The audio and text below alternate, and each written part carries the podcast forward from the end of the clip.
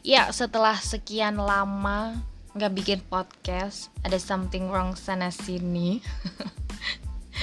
so mantep banget ya. Nah kebetulan ini balik lagi ya Dan kebetulan pula sekarang kita lagi ada hype-hype-nya ini momen Euro 2020 Walaupun dilaksanakan di tahun 2021 tapi tetap tagline-nya 2020 dong ya Dan sebenarnya juga dulu sempet kecewa ya. Iya kenapa diundur nih? Karena waktu itu emang udah uh, feelnya soulnya udah bener-bener semangat di Juni 2020 nah tapi juga waktu diselenggarakan digelar di Juni 2021 ini tetap nggak hilang semangatnya buat kamu para fans bola tentunya ya. Dan udah dari pertama kali aku me apa ya kayak me no ada motor lewat. Kayak mengamati dari awal dari babak fase grup. Dan kini udah nyampe di perempat final ya setelah kemarin banyak drama banget yang udah lolos ke babak 16 besar. Aku kayak ngerasa beberapa pertandingan di 16 besar ini hmm, seharusnya final itu ya seperti itu. Jadi kayak atmosfer penonton gaya bermain lalu taktik strategi dan drama-dramanya tuh banyak banget. Mulai dari yang pertama ini ya ada Wales dan Denmark. Yang sampai menang 4-0 si Denmarknya ya.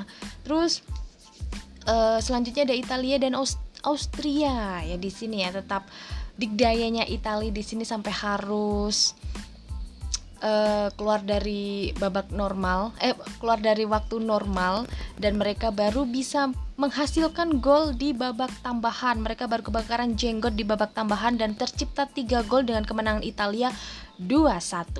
Selanjutnya ada Belanda dan Ceko. Nah, ini juga apa ya eh, kecewa juga sih karena Belanda harus terhenti di sini dengan kiper veterannya veterannya Stekelenburg dan juga kartu merah yang didapat Matis Delik ya. Kecewa banget aku sebagai fansnya Belanda dan terpaksa harus gagal melaju ke babak selanjutnya.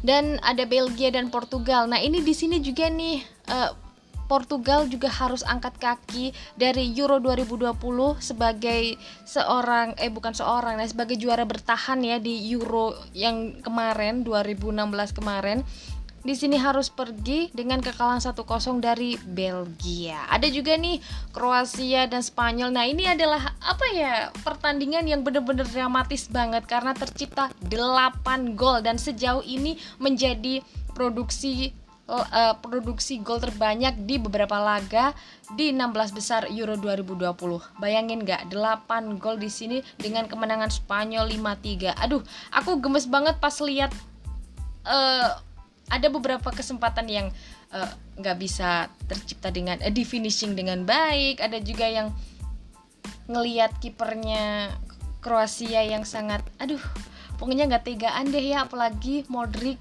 yang udah bersih keras lari sana sini ya iya sepak bola mah lari bukan main gundu Oke, untuk laga selanjutnya yang gak kalah seru ya ada Prancis dan juga Swiss. Lihat kan tentunya kamu ya. Uh, di sini Swiss waktu itu sempat ketinggalan 3-1 di babak pertama ya, ketinggalan 3-1. Eh bukan, babak kedua ketinggalan 3-1 dan Secara dramatis, Swiss mampu mengejar ketinggalan dua gol yang satu dicetak di menit ke-89 dan yang satu dicetak di injury time 90 plus 5 menit. Coba bayangin. Akhirnya hasil menjadi 3-3 dan adu penalti pun gak bisa dihindari ya. Cuma di sini yang patut dijadiin sorotan sampai sekarang ini adalah Mbappe sebagai eksekutor penalti yang gagal menendang bolanya di kesempatan terakhirnya. Udah deh. Kayak gimana tuh rasanya? Ini Prancis juga juara bertahan Piala Dunia 2018 kemarin. Aduh, para juara kenapa pada tumbang ini ya, Bre ya. Selanjutnya kemarin ada juga Inggris versus Jerman. Aku juga kecewa karena aku juga suka sama Jerman dan mendukung Jerman di sini, tapi ternyata Jerman harus rela ketinggalan dua gol sampai babak eh, sampai pertandingan itu berakhir. Dan juga Inggris menjadi apa ya ini sebuah prestasi membanggakan buat Inggris karena lolos di semifinal. Dan apakah football is coming home? Nggak tahu ya. Kita ke depannya mau kayak apa Inggris di sini karena juga penampilannya Inggris cukup bagus juga di lini tengahnya juga kuat karena ada Kevin Phillips. Tapi banyak banget kritikan datang ke Harry Kane nggak tahu Harry Kane katanya kapten yang nggak ada gunanya atau atau kapten yang uh, kurang bisa menyolidkan timnya. Nah, di sini ada beberapa omongan yang kayak gitu sih. Cuma menurutku juga udah oke okay banget ini uh, tim Inggris untuk kali ini. Southgate udah main lah ya, walaupun tanpa Mason Mount yang kena uh, corona bersama Ben Chilwell. Eh bukan corona, tapi kena isolasi mandiri ya. Jadi gak bisa tampil kemarin waktu melawan Jerman. Nah, untuk pertandingan terakhir di 16 besar Euro 2020 adalah Ukraina versus Swedia menang tipis sih Ukraina 2-1. Nah, di sini ada um, kayak hal yang juga unik di sini ya. Ada Andriy Shevchenko yang berhasil membawa Ukraina masuk ke perempat final dan ini pencapaian bagus banget buat Andriy Shevchenko karena dulu dia juga berhasil membawa timnas Ukraina masuk perempat final di Euro entah aku kapan lupa. Tapi waktu itu statusnya masih menjadi pemain. Nah, sekarang dia udah jadi pelatih. Jadi kayak klop banget untuk Andriy Shevchenko dengan pemain-pemainnya Zinchenko dan juga Yarmolenko. Wah, aku suka banget tuh sama Yarmolenko. Tapi by the way banyak banget ya aku suka ya. dan ada beberapa uh, trivia trivia unik ya. Ada uh, katanya nih pemain Madrid eh, nggak uh, ada yang berhasil kecuali Courtois dan juga Hazard di sini di Be di Belgia ya. Uh, kayak Toni Kroos juga hilang karena Jerman kalah. Luka Modric juga hilang. Ada juga Benzema juga harus rela melepaskan impiannya untuk bisa mengangkat trofi Euro 2020 mereka harus pulang hanya tersisa Courtois dan juga Hazard ya yang harus melaju ke perempat final bersama Belgia. Ya, untuk top skor untuk sementara ini di Euro 2020 ini masih dipegang sama Ronaldo sih. Tapi Cristiano Ronaldo kan udah pergi dan udah angkat kaki maksud jadi dikalahin sama Belgia waktu itu. Dan yang kedua ini ada Patrick Schick ya. Aku, cinta banget sama tendangannya waktu itu. Tendangan dari sekitar 45 meter dia membuat gol. Jadi Patrick Schick ini mengoleksi 4 gol. Nah sekarang kan ini Ceko masih Ceko juga udah lolos ya. Jadi masih ada kesempatan buat Patrick Schick untuk mencetak gol lagi besok saat masuk perempat final. Dan juga Karim Benzema di peringkat ketiga dengan 4 gol. Sayangnya juga Benzema nggak bisa menambah lagi karena dia udah pergi.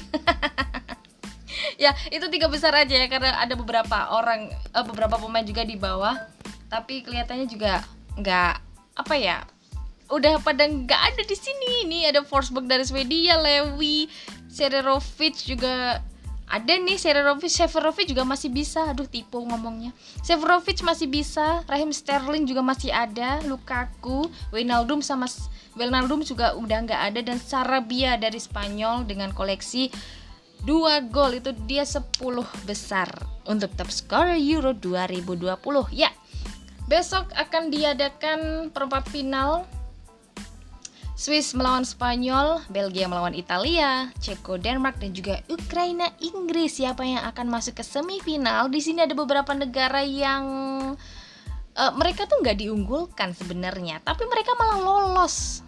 Seperti Swiss, seperti Denmark, Ukraina apalagi. Nah, Ceko tentunya juga mereka nggak terlalu diunggulkan, tapi mereka malah lolos di perempat final itu merupakan kehebatan tersendiri ya bahwasanya mereka eh, nggak uh, mau merasa disepelekan dengan negara-negara besar. Yang aku soroti di sini ya di grup F yang katanya grup neraka ada Prancis, ada siapa lagi itu Prancis, Jerman, dan juga Portugal, apalagi Hungaria yang katanya itu grup neraka tapi ternyata nggak pada lolos semuanya. untung gak ada yang ngomong gini aja nih grup neraka gitu kan ya kita besok akan uh, melanjutkan laga di perempat final dan siapa aja nih yang menang. Tapi aku harap ada negara baru yang menang ya. Jangan cuma itu itu aja. Kasih dong negara lain buat menang buat bisa ngerasain gimana sih jadi pemenang Euro itu untuk 2020 nah itu dia. Kita akan ulas lagi di laga berikutnya ya. Tetap stay tune di Delta Bicara Bola